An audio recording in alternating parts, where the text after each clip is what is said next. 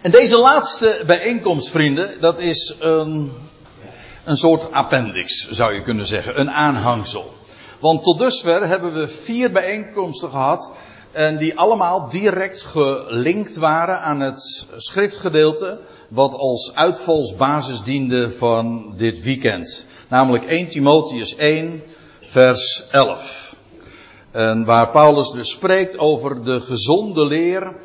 En die in overeenstemming is met dat goede bericht van heerlijkheid dat aan hem was toevertrouwd. Nee, pardon, nou vergeet ik nog het uh, belangrijkste. Het goede bericht van heerlijkheid van de gelukkige God dat aan hem, waarvan Paulus dan zegt, wat dat aan mij is toevertrouwd.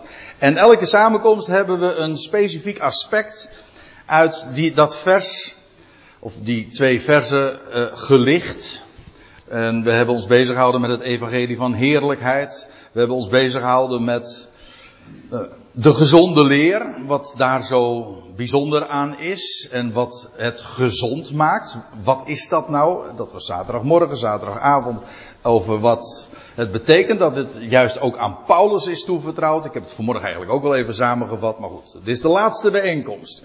En vanmorgen hebben we dan helemaal, uh, dat was eigenlijk min of meer het centrum, omdat het algehele thema toen eigenlijk ook het, uh, het subthema was, namelijk de gelukkige God. En wat is het dat hem nou zo gelukkig maakt? Wel, hij is God. Er is de ene. En wat hij realiseert, pardon, wat hij voornemens is, dat doet hij ook en realiseert. Het gelukt hem. Daarom is hij de gelukkige God. Nou, op alle mogelijke manieren hebben we dat laten klinken en vanuit de schrift mogen bezien. En nu dan, zei ik, uh, is een, min of meer een aanhangsel en dat heb ik dan als titel gegeven een gelukkig mens. Ik zeg dat is niet ontleend direct aan dit schriftgedeelte, dat klopt. Hoewel, ik moet erbij zeggen, ook elders in de brieven lees je over een gelukkig mens. Ik heb een brochuretje in huis liggen, dat heet The Happy Man. En dat is uh, ontleend aan Romeinen 4. De gelukkige mens die, geluk, hoe staat het er? Die de Heer de zonde niet op toerekent. Zo uh, ja, geciteerd uit de psalmen. De gelukkige mens. Wel, één ding moet duidelijk zijn. Als je eenmaal zicht hebt gekregen op dat geweldige goede bericht. Dat Paulus uitgebazuind heeft als leraar van natieën. Waartoe hij ook gesteld was als heraut. Om dat aan iedereen te, te vertellen. En om dat ook te onderwijzen ja, dat kan niet missen dat dat een mens ook transformeert. Je, je denken wordt hervormd. Je leert op een heel andere wijze tegen, ja, alles aan te kijken. Want als God werkelijk God is en gelukkig is, dan kan het niet missen, als dat kwartje werkelijk is gevallen, dat het een mens zelf ook gelukkig maakt. En, daar, en dat onderstreept weer dat het werkelijk een goed bericht is, waar je werkelijk blij en gelukkig van wordt. En met name dat wil ik uh, vanmiddag zo in deze, zo afsluitend nog eens goed onderstrepen. Het ligt zo voor de hand. Maar Uh, en ik neem u daarbij uh, opnieuw mee naar Titus 2. We zijn deze samenkomst toch vooral bepaald bij die persoonlijke brieven die Paulus heeft geschreven aan Timotheus en Titus. En dan schrijft hij in, in Titus 2 over de leer van God. We hadden het daar afgelopen zaterdagochtend over. De, de gezonde leer. Wat is die gezonde leer? Wel, dat is de leer van God, onze redder. En Laat ik dan uh, weer even aanhaken bij vers 9. Voor een deel is dit dus even uh, dubbel op, omdat we het uh, over vers 11 al even gehad hebben. Maar ik wil daar graag nu op een, vanuit een ander gezichtspunt nog eens op wijzen. Eerst nog even dit. Hij spreekt hier een speciale groep aan. Slaven. Geen werknemers, nee, slaven. Lijfeigenen. Die 100% en dus ook dag en nacht, zeven dagen in de week, het eigendom zijn van een ander mens. En die worden hier aangesproken en dan wordt er gezegd, slaven zouden zich onderschikken. zich dus ook schikken naar, maar niet alleen inschikken, maar ook onderschikken aan degene die boven hen staat. En ik zal, uh, het lijkt me toch vrij duidelijk dat dat bepaald niet altijd meegevallen moet hebben. Voor iemand die een slaaf is, en vooral als je een heer hebt uh, die niet het beste met jou voor heeft en die uh, in tegendeel jou daarin helemaal misbruikt ook. Maar Paulus zegt, predikt geen revolutie, integendeel. Hij zegt dat ze zich zouden onderschikken aan hun eigen eigenaars. In alles welgevallig zijn, zonder tegenspraak. In de MBG-vertaling staat dan, ja, welgevallig, het hun naar de zin maken. En ik denk dat dat op zich dus de, de, inderdaad de gedachte is. Het hen naar de zin maken. En er staat er nog iets bij, want het motief is het allerbelangrijkste. En daarom wijs ik er ook op. Want je zou natuurlijk kunnen zeggen van ja, uh, niet actueel, kunnen we gewoon overslaan. We hebben vandaag geen slaven. Niemand van ons in deze zaal zegt ik ben een slaaf. Nou ja, misschien in een bepaald opzicht wel. Uh, maar niet in de zin zoals Paulus het hier bedoelt. En toch juist het feit dat hij hen zo aanspreekt, dit is zo leerzaam, juist voor alle andere groepen. Uh, nog even, zonder tegenspraak in alles naar de zin maken, welgevallig zijn. Niet iets ontvreemden, maar alle goede trouw betonen. Niet alleen trouw betonen, maar ook daarin laten zien dat het je inderdaad menens is naar die eigenaar. Kortom, alleen maar uh, die Heer, ja, nou, please niet in de zin van uh, dat je uh, waardering wil hebben van, maar om iets anders. Want er staat namelijk bij, niet om waardering te krijgen van hem, maar opdat zij, de slaven, de leer van God onze redder zouden versieren in alles. Ik vind dat een schitterende zin. Ik, ik, ik, ik attendeer heel dikwijls in mijn bijbelstudies juist op deze, op deze uitspraak. Want dit is zo mooi. Dat het gaat allemaal om de leer van God onze redder. En al eerder hebben we overwogen dat het dus niet waar is wat er zo dikwijls gezegd wordt van ja, het gaat eigenlijk in de leer uiteindelijk allemaal om de praktijk. Dat is niet waar. Het, gaat, het is precies omgekeerd. Het gaat in de praktijk om de leer. Daar heb ik wel over gezonde leer. Want dat er zoveel aversie en zoveel allergie is ten opzichte van leer, is maar al te begrijpelijk. Ook dat hebben we overwogen. Want er is zoveel ongezonde leer. Maar de leer die Paulus neerlegt en optekent, die is gezond. En we hebben ook daarvan de betekenis gezien. Dat betekent, het is vitaal, het is energiek, het is krachtig. Opdat zij de leer van God, onze redder, hij is niet alleen maar de schepper van alles, maar hij is ook de redder. Onze redder, opdat ze die leer zouden versieren in alles. Weet je wat je hier eigenlijk leest? Die, die slaven, die mogen demonstreren, die mogen laten zien hoe geweldig het is. Nog niet eens dat ze dat zeggen of vertellen. Nee, dat wordt gewoon door hun doen, door hun laten, gewoon in hun hele levens, uh, in de positie waarin ze staan en in de wijze waarop ze hun leven uh, inhoud geven, dat ze daarin mogen etaleren, versieren, hoe geweldig de leer van God is. Namelijk onze redder, ook de redder van die Heer. Misschien als het een kring, als ik het zo, zo mag zeggen, van, van een vent is geweest, dan nog, die slaaf, die demonstreert daarmee, God is ook jouw redder. Niet mijn redder, ik mag het weten, maar ook hij is ook jouw redder. En ik demonstreer dat ook. En ik, ik, maak die leer daardoor mooi. Door het jou naar de zin te maken, door me te schikken, door, uh, door jou niks te ontvreemden, in tegendeel juist goede trouw te bewijzen. Ik versier daardoor de leer, het onderwijs dat God onze redder is. In alles versieren. Zo, kijk, en nou kom ik eigenlijk ook meteen even bij de titel, dus uh, ons subthema, namelijk een gelukkig mens. Het is geweldig als je een gelukkig God mag kennen. Maar weet je wat het geweldige is van, van het leven dat we vervolgens daardoor, uh, daardoor ook kunnen en mogen leiden? Dat is dat ons leven één groot uh, sieraad wordt. We mogen, ja, uh, U kent de uitdrukking ongetwijfeld, hè? het leven is een feest, maar je moet zelf de slingers ophangen.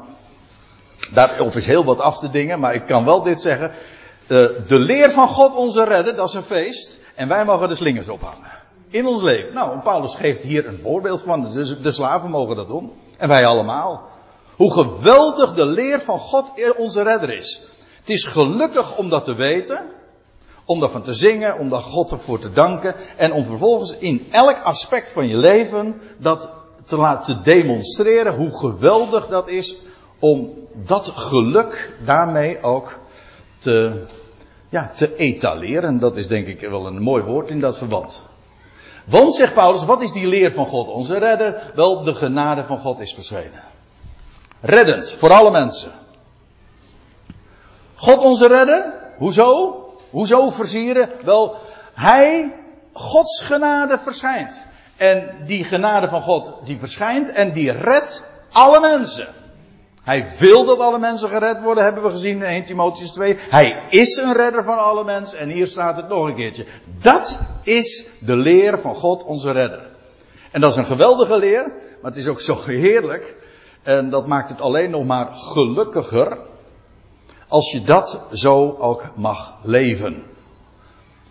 De genade van God. Ik, de genade, dat betekent natuurlijk, dat is charis en dat is vreugde. Het is ook een vreugde die God deelt, die God geeft om niet en wij mogen daar uit die bron putten. En elke dag daar opnieuw, uh, ja, je de vraag te stellen, hoe, hoe kan ik vandaag weer die leer van God onze redder versieren? Mooi, mooi laten demonstreren hoe geweldig het is dat God onze redder is van heel de mensheid. En die genade van God die doet zoveel. Ja, die redt alle mensen, staat hier. Maar ook, die voedt ons. Maar dan gaat het over degene die geloven. Degene die dat inmiddels ook hebben mogen beamen. Laat ik het anders zeggen. Die overtuigd zijn. God overtuigt jou. Uiteindelijk overtuigt hij elk mens, maar hij heeft mij inmiddels overtuigd. En er zitten er hier heel veel in de zaal die ook daarvan overtuigd zijn. En dat is iets wat God doet. God overtuigt jou. Je kan niet daarvoor kiezen, dat doet hij. Hij opent je ogen daarvoor en je harten daarvoor en, en dat is het. Het is een gave van God. Maar het is een geweldige gave. En wat die genade vervolgens doet, is niet alleen maar dat het je ogen opent, het redt jou, maar ook het voedt je op, het traint je. Hier staat het woordje pedagogiek. Feitelijk. Het voedt op. Niet de wet wordt hier als principe aangevoerd die ons opvoedt. Ik weet, dat is natuurlijk een hele populaire versie. Zeg van ja, door je te houden aan de wet en de regels. Nee, de genade van God. Reddend verschenen aan alle mensen. Die voedt ons op, die traint ons, die disciplineert ons ook. Dat is allemaal het vermogen, dat reddende vermogen van Gods genade. En die zorgt ervoor dat wij verlogen, verlogenen, verzaken, negeren, geen aandacht meer aan geven. De oneerbiedigheid en de wereldlijke begeerten. Dat is nog negatief. Het, de genade van God zorgt er ook voor dat de dingen, ja, zijn genade alles wordt. En dat je daar je vreugde in vindt. En dat maakt automatisch, ja, als ik met mijn gezicht die kant op sta, dan betekent dat automatisch dat ik die kant dus negeer. Nou, op het moment dat ik gekeerd ben naar de genade van God, dan verzaak ik alles wat, ja, dat tegenover staat. En dat is, uh, dat is de oneerbiedigheid. Want één ding is, dat moet toch inmiddels duidelijk geworden zijn, denk ik, in deze bijeenkomsten. Er is niets wat zozeer onze eerbied van God triggert en voedt en solide maakt als het besef, Hij is redder. En Hij is gelukkig. Waarom? Hij is God. En alles gelukt hem. Dat maakt, dat, dat maakt zo enorm veel eerbied voor God los. En dat voedt het. En, ja, en dus, ja, je verzaakt daarmee de oneerbiedigheid. Dat kan niet anders. Daar hoeven we het dus verder ook niet al, te lang over hebben. Dat is gewoon een gegeven. En de begeerten die in deze wereld nu eenmaal uh, heersen, van welke aard dan ook. Ik ga daar eventjes uh, nu al uh, wat sneller doorheen om bij mijn punt te komen. Bovendien ook met verstand. Het is heel mooi dat juist in de Titusbrief iedere keer erop gewezen wordt dat die genade van God ons ook verstandig maakt. Het leert ons ons verstand te gebruiken. Gezond nadenken, gezond verstand. Dat is een, uitdrukking, term die heel vaak juist in de Titusbrief gebruikt wordt. Helaas vertaald uh, in de MBG-vertaling met bezadigd. Uh, maar dat, daar ben ik niet blij mee. De, de, betekenis is niet bezadigd. Uh, dat klinkt in mijn oren, ik weet niet hoe u dat hebt, als ik het woord bezadigd hoor, dan denk ik vooral aan iemand die niet al te veel puff en energie meer heeft. Maar dat woord wat hier gebruikt wordt is juist, het heeft te maken met, met denken, met gezond nadenken. God heeft ons verstand gegeven en dat mag je gewoon gebruiken. Ja, sterker nog, ik denk dat juist als je God, uh, als je verstand gebruikt, dan leer je God ook trouwens kennen. Het wordt met het verstand doorzien, hè, dat, je, dat Hij er is. Afijn, met verstand en dan leer je ook op rechtvaardige wijze en op een eerbiedige wijze, godvruchtig zegt dus, daar hebben we het ook nog over gehad, op een eerbiedige wijze zouden leven in de huidige aion. Ja, de huidige aion. En waar, daarvan hebben we toch inmiddels ook vastgesteld, dat is een boze aion. Hm? Waarin de waarheid ten onder gehouden wordt en waarin een bericht dat zo goed is, zo solide is, zo geweldig is, nauwelijks een poot aan de grond krijgt. Als je het vertelt, je zou zeggen van dat, dat, dat, dat, dat, dat wordt toch, de, de rode loper wordt voor je uitgelegd. Nee. Paulus zegt het ook van, eh, ik ben een gevangene juist daardoor. Waarom? Wel, in de huidige aion, dat is een boze aion, daarin wordt de waarheid ten onder gehouden. Maar om in, en dat is nou weer het voordeel, want juist in een donkere aion zie je dan sterretjes, hè? Overdag zie je geen sterren. S'nachts wel. En wij mogen schijnen in een donkere wereld, de huidige aion. En juist dat licht van ons mag daarin schitteren. En het licht dat wij mogen laten zien, nou dat is dat gezonde onderwijs. Dat is dat goede bericht van de gelukkige God. En nou komt er nog iets, want dat is het geluk dat we nu reeds kennen. En dan is er nog iets. En daarom wijs ik er ook op in Titus 2. Terwijl we, dat wil zeggen in de huidige eon verblijvend, terwijl we uitzien, we hebben uitzicht, een geopend venster naar de gelukkige hoop. Heb je weer dat woord gelukkig. Exact datzelfde woord.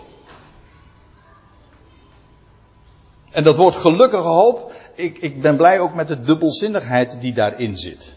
Want je kunt gelukkige hoop kun je op twee manieren uitleggen. Dat is uh, objectief, dat wil zeggen, dat waar we naar uitkijken is zo overtreffend, zo gelukkig. Dat maakt die hoop gelukkig. Waar we naar uitzien, dat is zo onvoorstelbaar groot. Wat, aan, wat God nog weggelegd heeft voor deze schepping die nu aan, het, aan de vergankelijkheid en het lijden is onderworpen, wel, de heerlijkheid die gaat komen is alles overtreffend. En alle moeite en het leed van de huidige aion en de, van alles wat daar geweest is, dat zal straks in het niet verzinken bij die glorie. We, we hebben geen idee wat ons allemaal nog aan heerlijkheid te wachten staat, namelijk wat God in petto heeft. Onvoorstelbaar. Dat is die gelukkige hoop. Maar nou nog iets anders. Ik zei al, het is, het is dubbelzinnig gelukkige hoop, want je kunt namelijk ook subjectief opvatten. Ik hoef trouwens niet te kiezen hoor. Want het is, beide, het is namelijk beide waar. Dat wil zeggen, dat waar ik naar uitkijk is gelukkig. Maar je kan ook het zo eh, opvatten. De gelukkige hoop, het, is, het feit dat we die hoop hebben, maakt ons nu al gelukkig. Dat is ook een gelukkige hoop. En het is logisch dat beide betekenissen in elkaar grijpen. Als ik zo'n uitzicht heb, ja, dan maakt dat me nu reeds blij en gelukkig. Dus uh, het geluk kan niet op, hè? Nee, als je eenmaal de gelukkige God hebt leren kennen, dat is bij alles, bij alle moeite van het leven. Ik, ik wil niets wegmoffelen, totaal niet. En, de, en ik wil ook de ellende en ook de, de, de zonde en de, de kwaadheid en het boze van de huidige aion niet wegredeneren. Ik wil alleen maar laten zien hoe geweldig overtreffend dat licht is. Dat, dat God in ons hart geplaatst heeft, namelijk door zijn woord uh, daarin te leggen. Dat maakt ons, ja, dat maakt ons stralend. Ja, ook zoiets. Uh, wat gebeurt er als dat licht in je hart woont? Ja, dat, dat doet je stralen. Dat verlicht de ogen. En we hebben een gelukkige hoop. Hè, terwijl we uitkijken naar de verschijning van de heerlijkheid van de grote God. En van onze redder. Jezus Christus. Weer de grote God. En dat is waar we naar uitkijken en naar alles wat daarop nog zal volgen. De huidige aion maakt, gaat plaatsmaken voor de toekomende aion, wereldtijdperken. En we hebben ook gezien dat dat allemaal tot een voltooiing zal komen, tot de voleinding van de wereldtijdperken van de aionen. Ja, en dan, ja, dan is, dan is God gelukt wat hij van tevoren, voor tijden van de aionen, al zich had voorgenomen. Ooit was hij bij, de begin, bij het begin alles in zichzelf. En straks, aan het einde van de Ionen, is hij alles in allen. Een gelukkige God. Dan is zijn doel volledig gerealiseerd. En dan zal ook blijken, dan is, we hadden het er vanmorgen over, God is bezig een verhaal te schrijven. En hij is de auteur. Wel, en dan is het boek uit. Dat is die happy end. Daarheen is hij op weg. En dat staat alles vast. Zijn plan, hij staat daarvoor gerand. En daarom, het feit dat die hoop ook zo zeker is, maakt ons nu al zo gelukkig. Nou, nou zal ik u vertellen, uh, het is nog erger. Want u bent al tevreden met dat geluk dat we kennen, met die gelukkige hoop, die gelukkige God. En dan nog dat je daardoor een gelukkig mens bent. En er bestaat iets wat dat nog grootser maakt. En dat wil ik u graag laten zien aan de hand van één vers. Dat is het laatste wat ik u uh, wil uh, tonen nog. In Handelingen 20. Paulus is daar op het strand van Mileten. Hij had de, de oudste van Efeze had hij, uh, verzameld. Hij was op doorreis naar Jeruzalem. En om niet te veel tijd kwijt te uh, raken, had hij iemand gestuurd om de, de leidende mensen daar in Efeze uh, nog naar het strand te roepen, naar de kust. En Paulus te ontmoeten. En Paulus houdt daar een heel aangrijpende toespraak. Hij heeft daar drie jaar ge, dat is wat anders dan drie dagjes, hè? maar drie jaar gearbeid in Efeze. Had ook enorm veel voor zijn kiezen gekregen. Veel aan tegenstand en moeite. Maar hij zegt, ik, hij zegt, ik heb jullie het evangelie van de genade gods gepredikt. En de ganse raad gods, hè, de gehele raad van God. Alles wat, ik heb het allemaal verteld jullie. En dan is hij daar en dan lees je ook dat dat uh, nogal aangrijpend is. Je leest ook over tranen. En, want Paulus die zegt ook van ja, um, ik zie jullie aangezicht niet meer. Het is een afscheid. En ja, dat grijpt het publiek ook aan. Trouwens, hij had er ook, had er ook bij gezegd van, ik weet ook, en dat was ook, uh, dat was niet makkelijk. Hij zegt, ik weet dat in jullie eigen midden, moet je voorstellen, ik weet dat uit jullie eigen midden uh, mensen zullen opstaan en die de kudde van God niet zullen sparen. Met andere woorden, Paulus had geen optimistische kijk, zeg maar, op de kerkgeschiedenis. Hij was een optimist op, de, op en top. Hè, en van een geweldige, gelukkige hoop. Maar als het ging om de, wat wij dan zouden zeggen, de kerkgeschiedenis. Of wat daar zou gaan volgen met het hele getuigenis. Nou, dat zegt hij zelf ook aan het einde van zijn leven. Ja, alle die in Azië zijn, die hebben mij verlaten. En hij bindt Timotheus al op het hart van, er komt een tijd, beste jongen, uh, dat, ze de, dat men de gezonde leer niet eens meer zal verdragen. Nou ja. Nou, dan mag je het mee doen. Maar, uh, dus denk nou niet dat je hier populair van wordt. Of dat, je, dat iedereen zal zeggen van, oh wat geweldig, dat is een goed, goed bericht. Ik bedoel, ik kan absoluut hard maken. En dat is, het is niet te logenen dat wat we hier van dit weekend hebben overwogen met elkaar. Dat dat zo'n geweldig overtreffend goed bericht is. Daar kan niemand iets tegen inbrengen. Ik kan ook, en zo zelfverzekerd ben ik wel, zeggen van, er is ook niet, het is niet te weerleggen. Het staat gewoon geschreven in Gods eigen woord. Het is zo solide. Dus het is vast, het is betrouwbaar, het is geweldig, het is een goed bericht. Dus je zou zeggen van, nou. Hm? Dat is zeker. Dat is zeker, ja. En dat zou iedereen gelukkig maken. Nee, dat werkt dus niet zo. Daar moet je ook op bedacht zijn. Om geen, want ja, je zou daardoor heel, met, ja, je hoort zo'n goed bericht en denk je, nou, dat ga ik iedereen vertellen. Ik, ik ken dat effect maar al te goed. En dan uh, krijg je heel dikwijls een koude douche over je heen. Omdat, omdat, ja, dan deel je dat en dan zijn andere mensen daar niet zo blij mee. Hm? Ik druk me heel eufemistisch uit. Maar uh, goed, dit was even inleiding. Dit was, uh, Paulus is daar dus op het strand van Mileten en hij houdt daar die toespraak voor die mannen. En dan zegt hij, en ik lees uit vers 35. Hij zegt, en herinner je de woorden, de woorden van de Heer Jezus, die zelf zei, en nou, nou wordt het uh, eigenaardig, want nou citeert Paulus de woorden van de Heer Jezus, en als je nou vervolgens in de evangelie nagaat waar dit staat, dan vind je het nergens. Nou kun je twee kanten uit. Je kan zeggen van, nou ja, dat betekent dat er, uh, dat Paulus woorden had die uh, zelf niet in Matthäus, niet in Marcus, niet in Lucas, ook niet in Johannes staan. Dus dat is dan mondelinge overlevering geweest. Dat kan je zeggen, ik kan ook niet het tegendeel daarvan bewijzen. Maar er is voor mij een veel simpelere verklaring. Hij zegt, ja, de Heer Jezus die heeft zelf gezegd. We hebben het trouwens ook al eerder de zaterdagavond overwogen. Dat Paulus ook spreekt dat de gezonde woorden, heb je het weer, de gezonde woorden van de Heer Jezus aan hem zelf waren toevertrouwd. Want wij denken bij de woorden van de Heer Jezus altijd maar aan de woorden die hij hier op aarde heeft gesproken. Maar Paulus, de Heer is aan hem verschenen. Heeft hem niet alleen geroepen, maar later ook onderricht, onderwijs gegeven. Hij zegt, ik heb het evangelie niet alleen maar ge, uh, vernomen, maar ook geleerd van onze Heer Jezus Christus. Hij is, hij is, in Arabië geweest en hij is daar, en hij is daar een hele tijd onderwezen geweest. Door de Heer persoonlijk. Als hij dus hier woorden van de Heer Jezus citeert.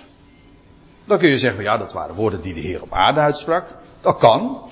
Maar veel logischer, ik ga er niet om strijden hoor, maar veel logischer lijkt mij dat hij die woorden gewoon van de Heer zelf heeft vernomen. Namelijk de hemelse Heer. Oké. Ik geef het ter overweging. Maar dan. Oh, hé. Nee, toch niet. Ook niet. Oh, nou, dan uh, eventjes deze woorden. Uh, dus één, uh, één diaatje uitgebleven. En dat is eigenlijk nog de belangrijkste ook. Maar u kan, kan het ook zo meelezen. Ik heb er alleen dan geen interlineair van. De woorden van de Heer Jezus. En wat waren die woorden dan? Wel, het is gelukkiger te geven dan in ontvangst te nemen. Het is meer gelukkig. Het is de overtreffende trap van gelukkig. Dus, dat bedoel ik met, het kan nog erger. Geluk is één ding. En dat is een gigantisch, groots, God, goddelijk geluk. Maar Paulus zegt hier, het is gelukkiger, overtreffend, te geven dan in ontvangst te nemen. Dus, nou ja, dat leek me nou zo'n mooie afsluiting zo van dit seizoen. Of van dit seizoen, van dit, ja, nou ja, het seizoen is ook zo'n beetje ten einde, maar uh, van dit weekend. We hebben zoveel woorden van geluk uh, gehoord. En dat maakt zo gelukkig. En nou, nou kun je de vraag stellen, ja, wat doe je daarmee? Nou ja, ik zou zeggen, hang de slingers op, versier het. Hè? Maar ik heb nog iets. En dat is, het is heerlijk, het is gelukkig zulke woorden te ontvangen. Hm? Maar weet je wat nog gelukkiger is? En eigenlijk kan ik zeggen dat wat ik hier doe. Ik bedoel, spreek ervan, deel het.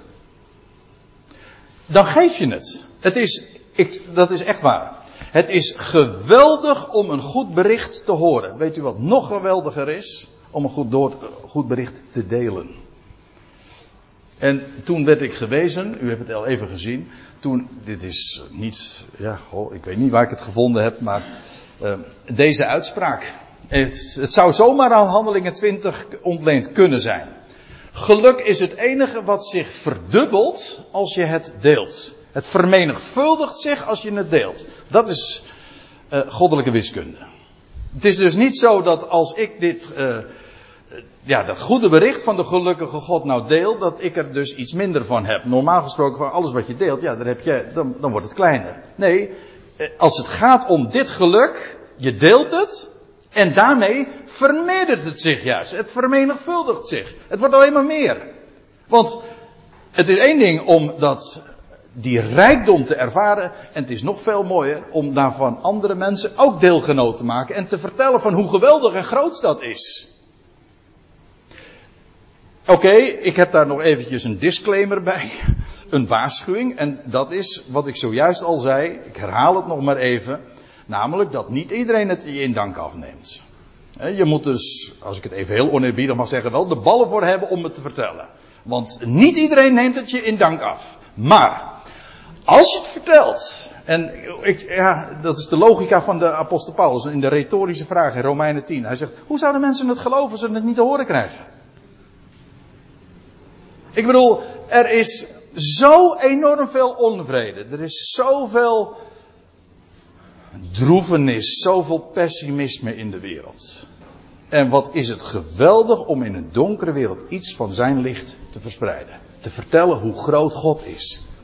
En dat Hij de schepper is van alle mensen, maar dat Hij ook de redder is van iedereen. Puur om niets. En dat je tegen iedereen kan zeggen, wat ze ook zeggen, Hij is jouw redder. En dan deel je iets van het geluk. En dan horen ze het. Ja, dan, kun twee dingen, dan kunnen er twee dingen gebeuren. Of ze geloven het wel, of ze geloven het niet. In beide gevallen blijft het waar. Dat is het geluk van deze, dit goede bericht ook. De waarheid wordt er niet minder om als mensen het afwijzen. Maar wat is wat is het geweldig om dit inderdaad te delen. Want daardoor vermenigvuldigt het zich. En dan heb ik er nog eentje. En dat is een aardige samenvatting. En daarmee wil ik het dan echt laten. De gelukkigste mensen, die hebben, hebben niet het beste van alles, maar zij maken van alles het beste. En dat vond ik ook wel een aardige. Want wat hebben we overwogen over God, die gelukkig is? Die maakt ook van alles het beste. Die maakt van elke min een plus. Dat kan trouwens ook alleen maar, je kan alleen maar het beste maken als het niet het beste is. Hm? En dat is ook zo. God heeft deze wereld zo gemaakt, hij heeft het kwaad ook een plaats gegeven, juist om daarmee, maar dat was vanmorgen, om daarmee het goede te bewijzen en te demonstreren en te etaleren. Zo bewijst hij dat hij een goede en liefdevolle God is. Hij maakt van alles het beste. En zo, als je eenmaal, eenmaal dat geluk van God hebt leren kennen, ja, dan leer je ook zo in het leven te staan dan is het niet uh, van alles het beste. He, er kunnen van allerlei moeite zijn. En ik, kan ieder, ik, ik zou nu zo een heel aantal mensen naar voren kunnen halen. Zeg, vertel maar eens een keertje wat over jouw levensomstandigheden. Aan moeite, verdriet. Of zit hier uh, niemand die zegt van nee, nou sorry, het is bij mij allemaal perfect. Nee toch? Nee. Maar ook zit er e- eentje kijken die denkt van, hé, bij mij wel. Nee, maar dat is het ook niet. Gelukkig ben je wanneer je inderdaad van alles inderdaad het beste kunt maken zoals God dat ook doet. En in ieder geval ook te delen in dat uh, andere mensen, te delen in dat geweldige geluk van dat goede bericht van onze God.